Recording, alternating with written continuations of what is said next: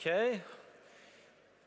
Dere skal selvfølgelig få lov til å gi eh, gaven deres, dere som fortsatt står i kø. Men vi begynner så smått å gå videre òg, sånn at eh, denne kvelden får en ende. Siden køen er lang. Fantastisk fint å være sammen med dere i kveld. Uh, utrolig gøy å uh, få semesteret i gang igjen. Mer og mer. For du som er ny her, så heter jeg Egil Elling. Jeg er pastor her i kirka og skal undervise litt ut ifra Guds ord i kveld. gleder meg til det. Jeg hadde en, jeg hadde en fin opplevelse i sommer. Jeg var og talte på en konferanse som heter Encounter i Levanger. Og eh, ja, noen eh, fanklubb her og der for den. Veldig bra, kan anbefales. Eh, talte der, fikk en innskytelse mens jeg sto der og talte om at jeg skulle invitere eh, de som var fra IMI, til å komme fram. Eh, mens jeg talte, og, så skal jeg bare introdusere de kort. Og det var en ca. 15 stykker der. De kom fram. Og det som var utrolig moro, eh, var å kunne se på alle de ca. 15 menneskene og si at eh, jeg vet noe om hva Gud har lagt ned i de, og hva de brenner for. Og jeg vet òg noe om noe de gjør for å forfølge den brannen og for å leve ut det Gud har lagt ned i dem. På hver enkelt så visste jeg at her er det synlig noe de brenner for, og noe Gud har lagt ned. Og det er synlig noe de gjør for å ta det på alvor. Og Det var bare en sånn utrolig god oppmuntring. Ikke at jeg huska på det med alle de, men i å kunne se det blant 15 vanlige folk fra kirka vår. Og Det er noe av inngangen til det jeg skal snakke om i kveld. Fordi Hvis du er ny her, eller du har vært her lenge, så vil du enten vite eller oppdage at vi er en kirke som tror veldig på at Gud har lagt ned noe unikt i hver enkelt av oss, som kan få bety en forskjell i verden rundt oss når vi tar det i bruk. Og at etter hvert som vi oppdager hvilke planer han har for oss, kanskje noe han leder oss inn i, noe han ønsker å ta oss med på, så har hver enkelt av oss noe spesielt som vi kan få leve ut, og som gjør at vårt liv med Jesus blir spennende, men som ikke minst betyr at vi får bety en forskjell i verden rundt oss. Det handler ikke bare om noen få litt profilerte folk eller litt ekstra ivrige folk som får gjøre de greiene der, men vi tror veldig på at det er alt Guds folk som har noe i seg. Og vi tror at det er så mye kraft i hvis hver enkelt begynner å finne ut hva det er, og får leve det ut. Um, og Derfor så stiller vi ofte sånne spørsmål her i kirka som hva drømmer du om? Hva brenner du for? Hva har Gud lagt ned i deg? Hvem er du sendt til? Hvor leder han deg nå? Og så videre. Og så er det starten på et nytt semester, og det føles litt som starten på et nytt år, for nå går liksom nå går ting fram til neste sommer for det er en sånn lang pause igjen. Um, og da hadde jeg bare lyst til at vi kunne bruke litt tid ved starten av semesteret på å stoppe opp og sikre at vi ikke går inn i et nytt år på autopilot og bare fortsetter i tralten. Noen av dere får ikke lov til det fordi dere er nye her og nye på akta eller andre ting. så dere er nødt til å gjøre noe nytt. Men for oss alle at det ikke bare går på autopilot, men at vi får stoppa opp og mm, Gud, har du noe du vil lede meg inn i i den tida som ligger foran? Er det noe jeg skal være spesielt oppmerksom på? Er det noe som er spesielt på ditt hjerte for denne tida i mitt liv? Begynte forrige søndag eh, å snakke om det å være ledet av Gud. Og Hvis du ikke var her da, så eh, kan jeg i all beskjedenhet selv om det var jeg selv som talte, anbefale å gå inn og høre den podkasten. Eh, ikke fordi det var med, primært, men fordi eh, da får du en annen innfallsvinkel til å sette i gang semesteret ditt med et sånn fokus på Gud. Hva er det du vil i de månedene og det året som ligger foran nå? Og så har jeg lyst til å fortsette litt i dag med å bare gi noen andre perspektiver som eh, vi skal møte en bibelhistorie fra Det gamle testamentet. Og så skal vi prøve å plukke ut noen nøkler som kanskje kan hjelpe oss til å se hva som blir viktig for oss når vi skal ta noen nye steg i tida som ligger foran. Eh, du kan slå opp i andre krønikebok 34, og så har jeg bare lyst til å be en bønn. Så skal vi gå i gang. Jesus, jeg er så takknemlig for at du er her, og jeg er så takknemlig for at vi er dine. Og så takknemlig for at vi kan eh, kan få gå på din vei og kan få bli ledet av det. Og kan få vite at vi er ikke, som det står i ditt ord, etterlatt for oss sjøl som foreldreløse barn. Men, men, vi har en far i himmelen som vil lede oss, og vi har du som går foran oss og viser en vei. Så jeg ber deg nå om å komme og tale til oss og fortsette å peke retning for oss. Som fellesskap, men også som enkeltmennesker. Sånn at vi kan gå ut av denne kvelden og ha en enda sterkere forståelse av hva er det du vil, hva er det du leder oss inn i i de månedene som ligger foran. Kom Hellige Ånd og berør oss, møt oss, tal til oss. Sånn at eh, det ikke bare blir ord, men at det blir ditt liv. Amen. En liten ting jeg glemte å si helt i starten, før vi går løs. Og det er at um, dere, dere, hører at det er masse nytt, folk vi skal ønske velkomne, ting som skal skje vi må snakke om. Jeg er bare nødt til å si at neste søndag så er det ikke G18 på den vanlige måten her. Men da inviterer vi til verdidebatt. Det kommer ledende politikere fra alle stortingspartiene. Um, og vi skal ha en samtale og en debatt om spørsmål som vi tenker er viktige. Om hvilken plass troa vår skal ha i samfunnet vårt og om noen verdispørsmål som, kan, som både vil handle om f.eks. hvordan vi på en god måte kan ta imot og ta vare på mennesker som er nye i landet vårt, hvordan vi tar vare på skaperverket, og noen andre verdispørsmål som vi har lyst til å stille politikerne. Neste søndag er det åtte dager igjen til valget. og Da kan du komme hit og du kan invitere med deg venner. Og så kan du få litt hjelp til å navigere i det politiske landskapet før valget. Så velkommen til det. Og så får jeg også noe inn på øret her. Translation. For those of you in need of English translation, there's headset back at the sound desk, and Rita is very kindly translating. So please pick up a headset if you need one. Da skal vi gå i gang i andre krønikebok fra kapittel 34. Vi skal følge en historie i dag om en som heter kong Joshia. Veldig ofte når jeg er ute og reiser og taler, så har jeg med meg ting jeg har talt her på huset til andre steder. Dette er en av de aller, veldig veldig sjeldne gangene hvor jeg kommer hjem med noe jeg har talt andre steder, men ikke her. Så jeg håper det funker bra. Vi skal til andre krønikebok og kong Joshia. Andre krønikebok, Krønikebøkene er jo sånne historiebøker i Det gamle testamentet hvor historien fortelles veldig sånn ut ifra hvem som er konge i landet fortelles om hvem som er konge. Også Særlig i krønikebokene så er det veldig sånn at begynner fortellinga med å si om den kongen fulgte Gud eller ikke. Og Fulgte han Gud, så er det som oftest en historie om velsignelse, om at det gikk godt. Både med han og med landet. Og Fulgte han ikke Gud, så er det en historie om hvordan det leda de på avveier.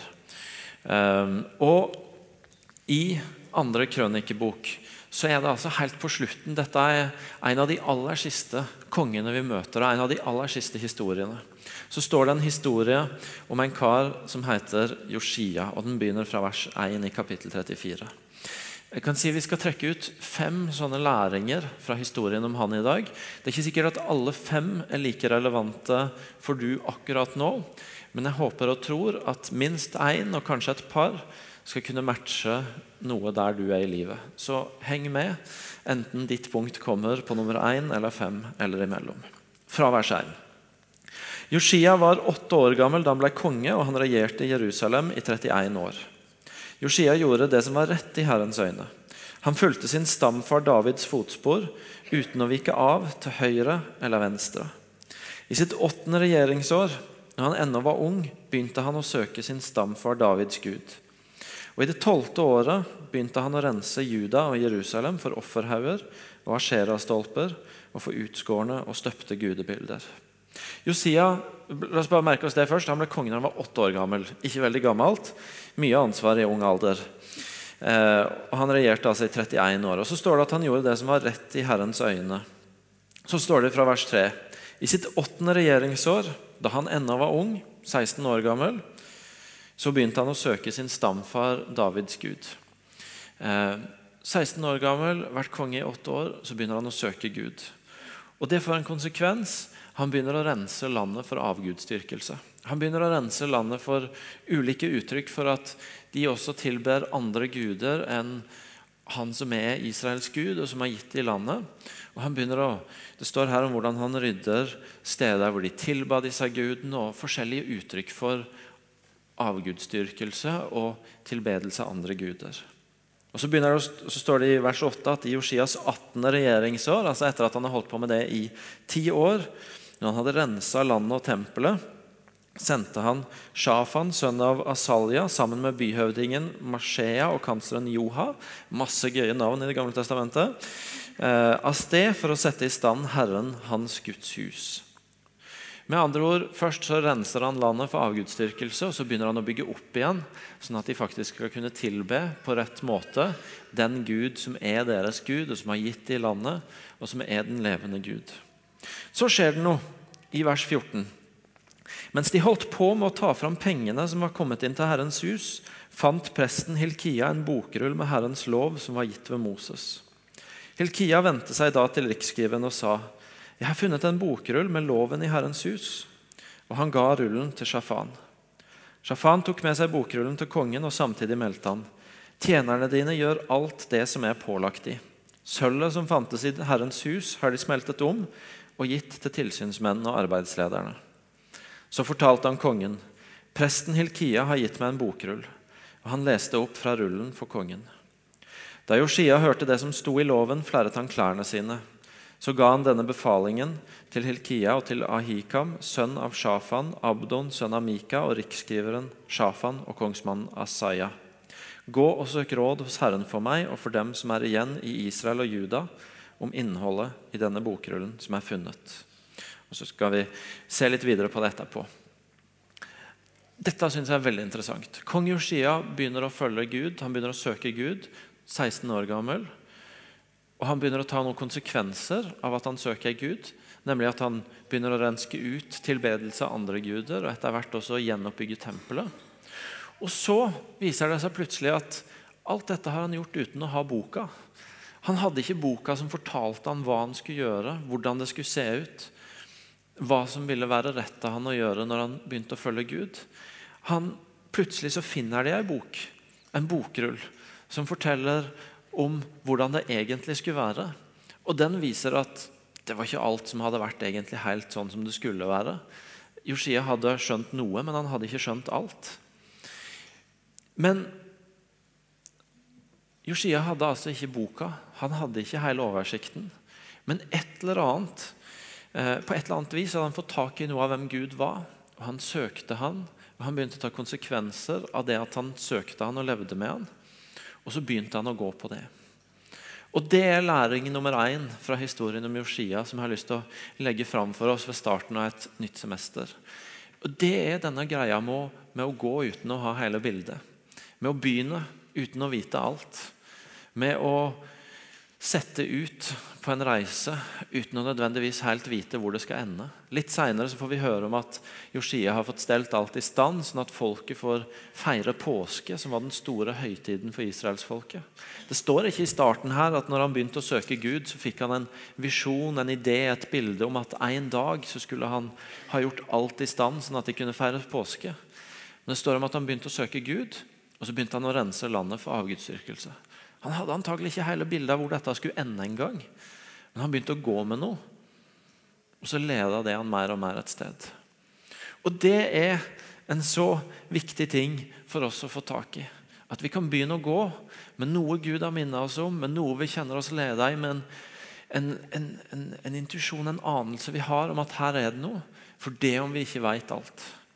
Det kan være så fristende å tenke at vi må vente litt til, vi må vite litt til, vi må se litt klarere, vi må lese ei bok til. Så kan det hende vi billedlig talt skal skrive boka sjøl. Vi, vi, skal skrive historien sjøl. Vi skal ikke ha hele fasiten før vi begynner å gå. En del av det å gå med Gud er å gå i tro, og det å gå uten å vite alt. En som har sagt at uh, ikke la perfeksjonisme bli din unnskyldning for å utsette noe viktig. Og En annen som har sagt at ønsket om å ta en god avgjørelse kan bli grunnen til at du tar en dårlig. Rett og slett fordi du bruker så lang tid på å gjøre den perfekt og på å sikre deg etter rett at du ikke våger å ta en avgjørelse. Historien om kong Josia forteller oss noe om at vi må begynne å gå fordi vi ikke veit alt. Og Kanskje står du foran et semester og har noen Jeg snakka med et ektepar etter gudstjenesten i formiddag som hadde hørt dette. Og de hadde gått med to år de, med en sånn idé som de ikke klarte å legge fra seg, men som de ikke helt hadde klart å tørre å gå på heller. Og så tenkte de ok, vi får bare prøve oss fram. Det verste som kan skje, er at det går dårlig, og da går det kanskje over. Det er noe med å ta noen steg i to, tro. Med å prøve å gå uten å vite alt. Og se hva som åpner seg, se hva Gud gjør da. Det står videre her om kong Josia at, um, at han um, ikke sant? Vi leste om at han flerra klærne sine og søkte råd. Hva skal jeg gjøre nå? Uh, når det viser seg at denne boka som de finner, forteller at vi har ikke gjort alt rett. Og Så står det etter hvert om at noen får et budskap fra Gud, fra vers 26. Men til judakongen som sendte dere for å søke råd hos Herren, skal dere si:" Så sier Herren Israels Gud, du har nå hørt disse ordene. De rørte ved ditt hjerte, og du ydmyka deg for Guds ansikt da du hørte ordet hans mot dette stedet og mot de som bor der. Fordi du ydmyka deg for meg og flere av klærne dine og gråt for mitt ansikt, har jeg nå også hørt, sier Herren. Se, jeg vil la deg komme til dine fedre. I fred skal du bli forent med de i grava. Vi skal straks se litt på ydmykhetsbiten av det, men det er noe med at historien om Joshia er også en sånn historie om at hans steg i tro uten å vite alt blir anerkjent. Kanskje er du her og ikke går med Gud og har en tanke om noe Gud leder deg inn i. Men kanskje er du her og har en nysgjerrighet på Gud, men veit ikke hvor nært du våger å nærme deg, eller om du er helt klar. Eller, eller, eller. Du må ikke finne ut alt før du begynner å, gå med, før du begynner å bevege deg mot han. Før du setter ut på en reise med den. Du må ikke sikre deg på alle kanter. Du må ikke ha rydda opp i alt i livet ditt. Du må ikke ha blitt ren og pen og ordentlig først. Eller ha lest deg opp på et eller annet. Men historien om kong Yoshia er også en invitasjon til du til å begynne å gå mot han, nærme deg han ta imot fra han, sjøl om du ikke veit alt, og sjøl om du ikke har sett alt. Begynn å gå med det du ser, ikke vent på at du skal ha sett alt. Historien om kong Josia fortsetter. Og det er jo sånn med denne historien at Josia han har fulgt Gud ut fra sine forutsetninger. Du kan godt si at han har gjort så godt han kunne med de forutsetningene han hadde. Og Så oppdager han altså, så finner noen av en bokrull i tempelet som forteller at selv om han har gjort så godt han kunne, så var ikke det helt sånn som var Guds vei og plan.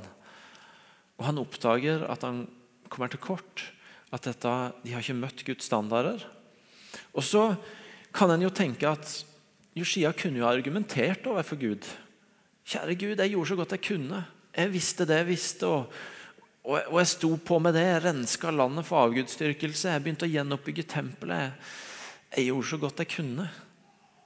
Ikke kom her og lag trøbbel for meg nå, eller klag på meg nå. Og Så skjønner kong Josia at i møte med den allmektige Gud så, så fungerer det egentlig veldig dårlig å holde fram at vi har gjort så godt vi kunne. Ikke fordi han ikke anerkjenner det vi gjør, men fordi det er ingen av oss som finner veien til Gud ved å gjøre så godt vi kan. Alt det vi får av Han, det er av nåde. Alt det vi har, er av nåde. Det er en gave fra Han. Og i møte med Gud så er det kun nåde som holder for alle og enhver av oss. Det funker så dårlig å si at vet du nå, jeg har gjort så godt jeg kan. Og Det er det så mange av oss som prøver, enten når vi skal nærme oss Gud for første gang, og si at ja, men jeg prøver jo å være så godt menneske som jeg kan. Eller når vi lever med Han og av og til kan tenke at vet du noe, jeg har gitt mitt beste, jeg har stått på for deg, Gud. Nå er det vel tid for meg til å slå meg litt til ro og høste litt anerkjennelse fra deg. Og, og tenke at nå er det godt nok. Jeg har gjort så godt jeg kunne. Vi kan bli fornøyde. Vi kan bli stolte. Vi kan tenke at jeg har oppnådd en del ting. Jeg har stått på med en del ting. Jeg har jeg har gitt alt. Nå er det vel bra nok, Gud? Det Joshia gjør, det er at han flerrer klærne sine. Han ydmyker seg for Gud. Og, og, til tross for alt han har sett, til tross for alt han har gjort, til tross for alt han har vært med på, så er hans rop 'Kjære Gud, hjelp meg'. Si nåde til meg. Hva gjør jeg nå? Jeg har ikke peiling på, på hva jeg skal gjøre i møte med dette jeg har funnet nå. Og Det er så viktig for oss å holde fast på. Denne ydmykheten, denne forståelsen av at det er alltid er noe nytt å lære. Det er alltid et nytt steg å gå. Og det er aldri sånn at det er de stegene vi har gått, som gjør oss fortjent til plassen vår hos Gud. Men det er alltid Hans nåde. Som Eivind og Kristin leda oss i stad. Din nåde kom ned. Hans nåde kom til oss. Kanskje går du inn i dette semesteret og, og trenger bare å få på plass den der grunnleggende ydmykheten og åpenheten for Gud, hva, hva vil du vise meg nå? Gud, jeg, jeg har ikke lyst til å gå inn i et semester og slå meg på brystet og snakke om alt det gode jeg har gjort, eller alt jeg har utretta for deg, eller så god skikk jeg har fått på livet mitt. Men jeg har bare lyst til å møte deg med åpne hender og spørre hva vil du nå? Kanskje er det det du trenger. Jeg går til ledercoaching innimellom. Jeg prøver jo å lede ei kirke. Og eh, han, Coachen min sa på et punkt til meg du må passe deg så du ikke blir en sånn som slipper unna med det. At du ikke blir en sånn som ingen kan ta deg på noe, for du har gjort det du har gjort, godt nok og skikkelig nok. Og det er ikke noen åpenbare punkter å sette fingeren på, men, men du har allikevel ikke gitt det du hadde. Du har ikke blitt med på det du kunne bli med på. Fordi du kjørte safe, og kanskje fordi du ikke bevarte den der grunnleggende ydmykheten. Dette er hva er det nå, Gud? Hva vil du nå? Og Kanskje er det det du trenger å ta med deg inn i semesteret. Gud, jeg trenger å nullstille igjen. Det er bare nåde. Det er bare fordi du gir meg det. Og jeg har lyst til å få tak i hva det er du vil gi og gjøre nå. Kong Joshia går foran i å følge Gud. Først så går han foran i å renske for avgudsdyrkelse og begynne å gjenoppbygge. Og så går han foran i å ydmyke seg for Gud. Og så står det fra vers 31 om at kongen stilte seg opp på plassen sin og slutta en pakt for Herrens ansikt. Folket skulle følge Herren og holde hans bud, regler og forskrifter av hele sitt hjerte og hele sin sjel. Alle paktens ord som var skrevet ned i denne bokrullen, skulle de holde. Så lot han alle som var til stede i Jerusalem og Benjamin, gå med i pakten. Og De som bodde i Jerusalem, levde etter pakten som de hadde slutta med Gud, sine fedres Gud. Josia fjerna alt det som var avskyelig fra alle israelittenes landområder, og han sørga for at alle som fantes i Israel, dyrka Herren sin Gud. Så lenge han levde, vendte de seg ikke bort fra Herren, fedrenes Gud. Når Josia gikk foran i å følge Gud, noen ganger ved å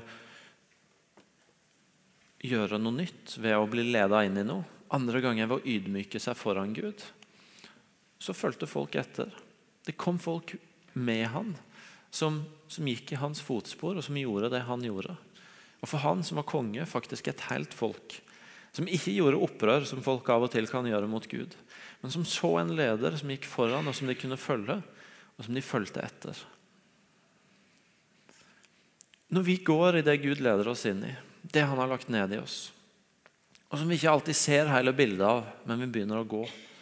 Istedenfor å bare snakke om det eller utsette det eller vente på det. Så vil det ganske ofte dukke opp noen mennesker rundt oss. Kanskje bak oss i fotsporene våre eller på sida av oss som støttespillere. Fordi det er veldig sjelden er tanken i Guds rike at vi skal gå alene med noe. Og kanskje er det noe av det som du skal ha øya oppe for dette semesteret at når du har begynt å gå, og kanskje har du begynt å gå før dette semesteret begynte, så, så dukker det etter hvert opp noen rundt deg som egentlig har lyst til å følge med deg i det. Lære av deg eller stå sammen med deg i det.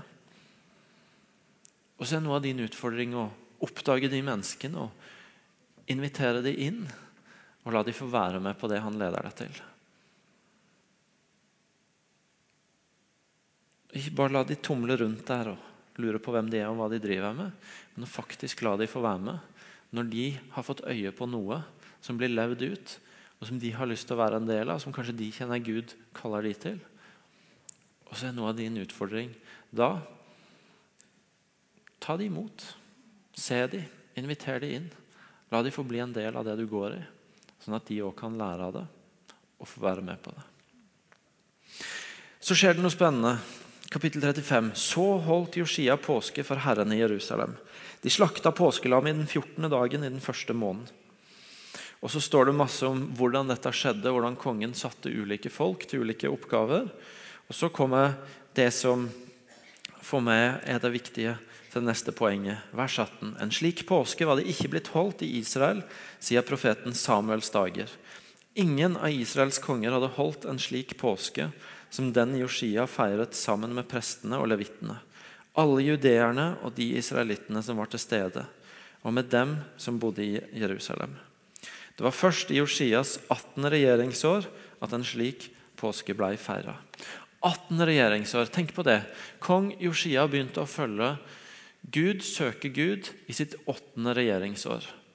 I sitt 18. regjeringsår er han kommet dit at folket faktisk igjen kan feire en rett påske for Gud.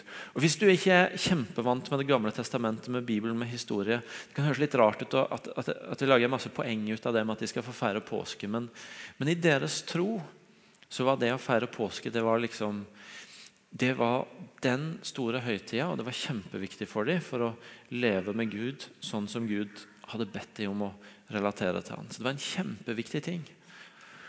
Og så forteller altså historien at det tok ti år fra kong Ishia begynte, og så det faktisk skjedde for første gang at de fikk feira påske. Og det er en greie som jeg tror Gud har lyst til å lære mange av, som, som jeg faktisk tror han har minnet litt spesielt om før denne søndagen. Det er dette med tålmodighet, med utholdenhet, med at i Guds rike tar ting noen ganger tid. I betydningen det er ikke alltid vi ser alle fruktene av det vi holder på med med en gang. Etter ei uke, etter en måned, etter et halvt år, etter ett år. Men noen ganger så er det som om det Gud leder oss inn i, det går vi på, og så tvinnes trådene sammen etter hvert.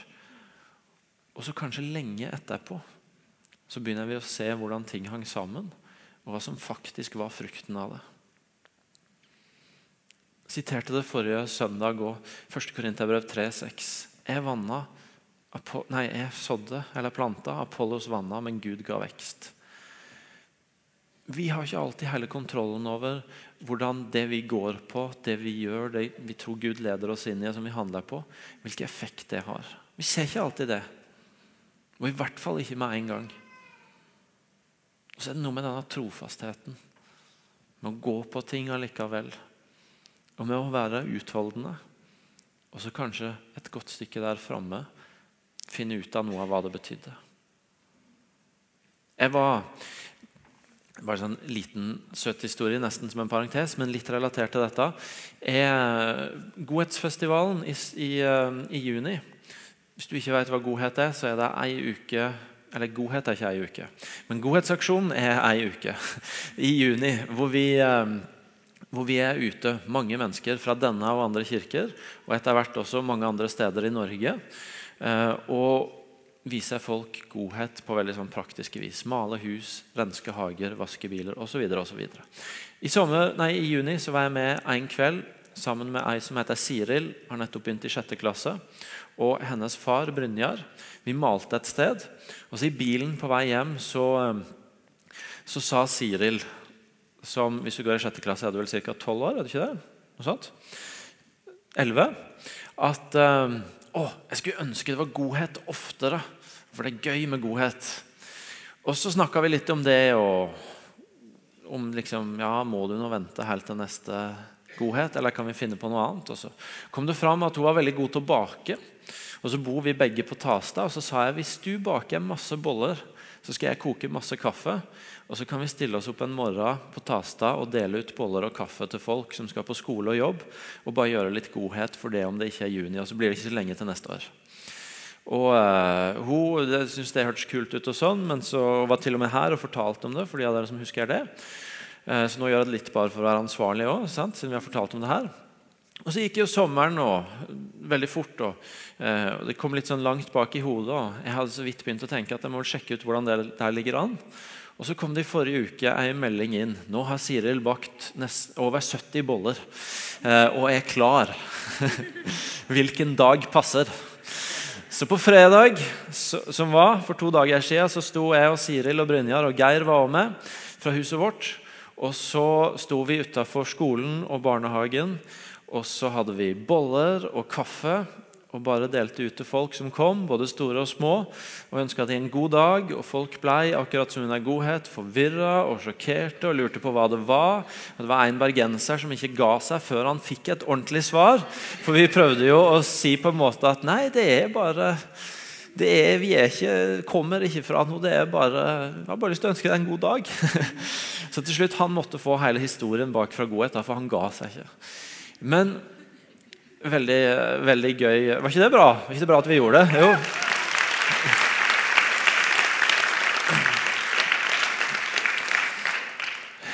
Verken Siril eller jeg har jo egentlig peiling på hva det blir av å stå en morgen på Tasta og dele ut boller og kaffe. Rektor kom ut og var utrolig glad for det og gjorde et nummer av det i åpningssamlinga for skolen. Men, men og kanskje fikk noen andre en god idé, men utover det så veit du ikke hva det ble ut av. Det kan jo hende at det betyr mer enn vi veit om. At noen møtte noe der som ikke vi kan måle eller veit hva det ble ut av. Fortalte dere sist søndag om pappaen min som eh, sommeren da jeg var med han på butikken, møtte en fyr som hadde hatt han som lærer i 1980. Og så møter han nå pappa på butikken og forteller om hva det betydde. Det er 34 år siden. det. Og nå får pappa høre om det. Det er bare noe med å ha det der aspektet av at det er ikke alt i Guds rike vi måler effekten av med en gang. Men vi holder ut. Vi gir oss ikke. Stopper ikke fordi om vi ikke ser effekten med en gang. Martin, som dere møtte i stad, han sier gode ledere de vet hva de vil, eventuelt på den kristne måten. De har hørt fra Gud, og så gjør de det. Og så gjør de det lenge. Og Kanskje det du trenger inn mot et ny semester, det er bare den påminneren om at vet du noe, jeg skal ikke gi meg i år heller. I fjor i august så sto Rune Bødalen her, som er leder for Legoklubben, et av de misjonale fellesskapene i menigheten, og så fortalte han egentlig i sommer så har jeg tenkt er det noe vits i denne legoklubben. Skal vi gidde, eller skal vi si at nå er det nok? Det var moro så lenge det varte. Og Så åpna vi dørene første gang, og så kom det 25 nye unger. Og da kan du ikke gi deg. Kanskje er det bare det å stå på litt til. Og så begynner et eller annet å åpne seg. Til slutt, kapittel 36. Jeg skal ikke lese så mye der, men I slutten av kapittel 35 så dør kong Josia. Og I kapittel 36 så begynner sønnene hans å overta eh, som ledere i landet. Og det går ikke så fryktelig bra de tar ikke opp arven etter han. De lever ikke med Gud. Og de ender sin regjeringstid ganske raskt, hele bunten. Og Kapittel 36 er det siste kapittelet i boka, og det ender med at israelsfolket mister landet sitt og må i eksil. De må ut av det landet som Gud har gitt dem. Og Det er jo den store tankevekkeren her. At her har du en konge som har gjort så mye godt og betydd så mye og gått så grunnleggende med Gud og leda folket inn i noe. Men så følger ikke sønnene hans, de som kommer etter etter. Og så faller det sammen igjen. Og det er jo bare til slutt stor, stor greie for oss alle. At ikke livet vårt bare skal handle om oss og det vi kan få bety, og det spennende vi kan være med på. Men hvem er det vi gir noe av det Gud har gitt oss, videre til? Sånn at det ikke bare blir en one-off med oss, og så er det ferdig med det. Noen av dere foreldre som er her, som kanskje trenger en ny pep og Utrolig viktig det er at dere ikke bare lever med Gud sjøl, men fortsetter å gi det til ungene deres. Noen av dere lærere. En utrolig viktig jobb. At dere ikke bare lever sterkt med Gud her og blant vennene, men Tenk på hva dere kan få gi videre til noen av ungene. Jeg vet at dere har noen rammer å holde dere innafor, sånn, men, men, det er veldig mye liv som gis videre bare ved å være rundt folk. Noen av dere som er ledere på ulike vis. Ikke bare hva utrettere er, hva får jeg til, hvordan vokser det? Men hvem er det gir du videre til? Sånn at det ikke bare ble gøy en liten stund, men at det lever videre. Arven er så utrolig viktig for at det ikke bare skal bli en stund, men at det skal bli lenge, at det skal bli vokse. Amen. Da skal vi reise oss og skal vi be litt sammen. Folkens, jeg har i kveld holdt fram for dere fem forskjellige ting. Og kanskje kjenner du utfordring på en eller et par av de i ditt liv foran et nytt semester. Kanskje er du der at vet du noe, du trenger bare å høre at du må, du må faktisk tørre å begynne å gå uten å ha helt peiling på alt. Uten å ha sett alt. Nå er det tid for å sette ut på et nytt eventyr.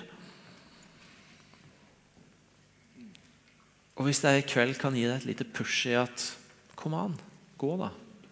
Så hør det pushet, og begynn å gå. Og så har vi lyst til å be for deg nå om at du skal, skal virkelig få gå i det. Hvis du er foran et nytt semester og trenger bare å nullstille og, og ta inn ydmykheten Gud, jeg er ikke ferdig. Jeg har ikke gjort godt nok. Men jeg er fortsatt på denne reisen med du, hvor jeg er helt avhengig av det. Så ta imot det. Hvis du er der at du, du trenger å åpne øynene dine for noen som begynner å følge etter deg, som du skal få, få, få gjøre noe sammen med, så hør det. Hvis du er der at du trenger den påminneren og oppmuntringa, hold ut. Ikke gi opp. Litt til. Noen ting i Guds rike tar lang tid, og det lar seg ikke måle med en gang. Så hør det. Og Hvis du er der at du trenger et siste påminner om vet du noe, jeg må gi det videre til noen. For det handler ikke bare om mitt liv. Så hør det, og så skal vi be sammen. Jesus, takker deg for at du leder oss inn i et nytt år. Og du har større tanker for det året som ligger foran, enn det vi har. Og du har større planer for hver enkelt her inne enn det vi klarer å koke i hop av oss sjøl. Og du ser mer av hva som bor i oss, enn det vi ofte sjøl er klar over.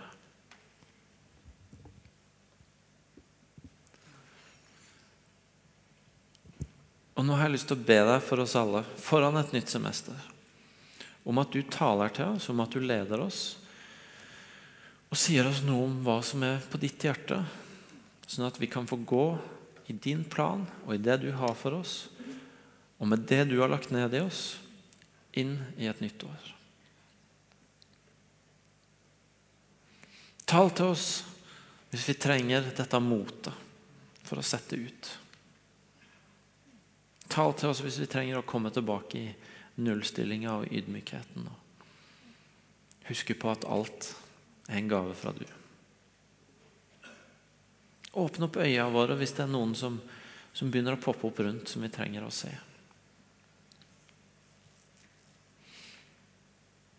Kom med masse oppmuntring til de som trenger å høre at vet du noe, hold ut. Ikke gi opp.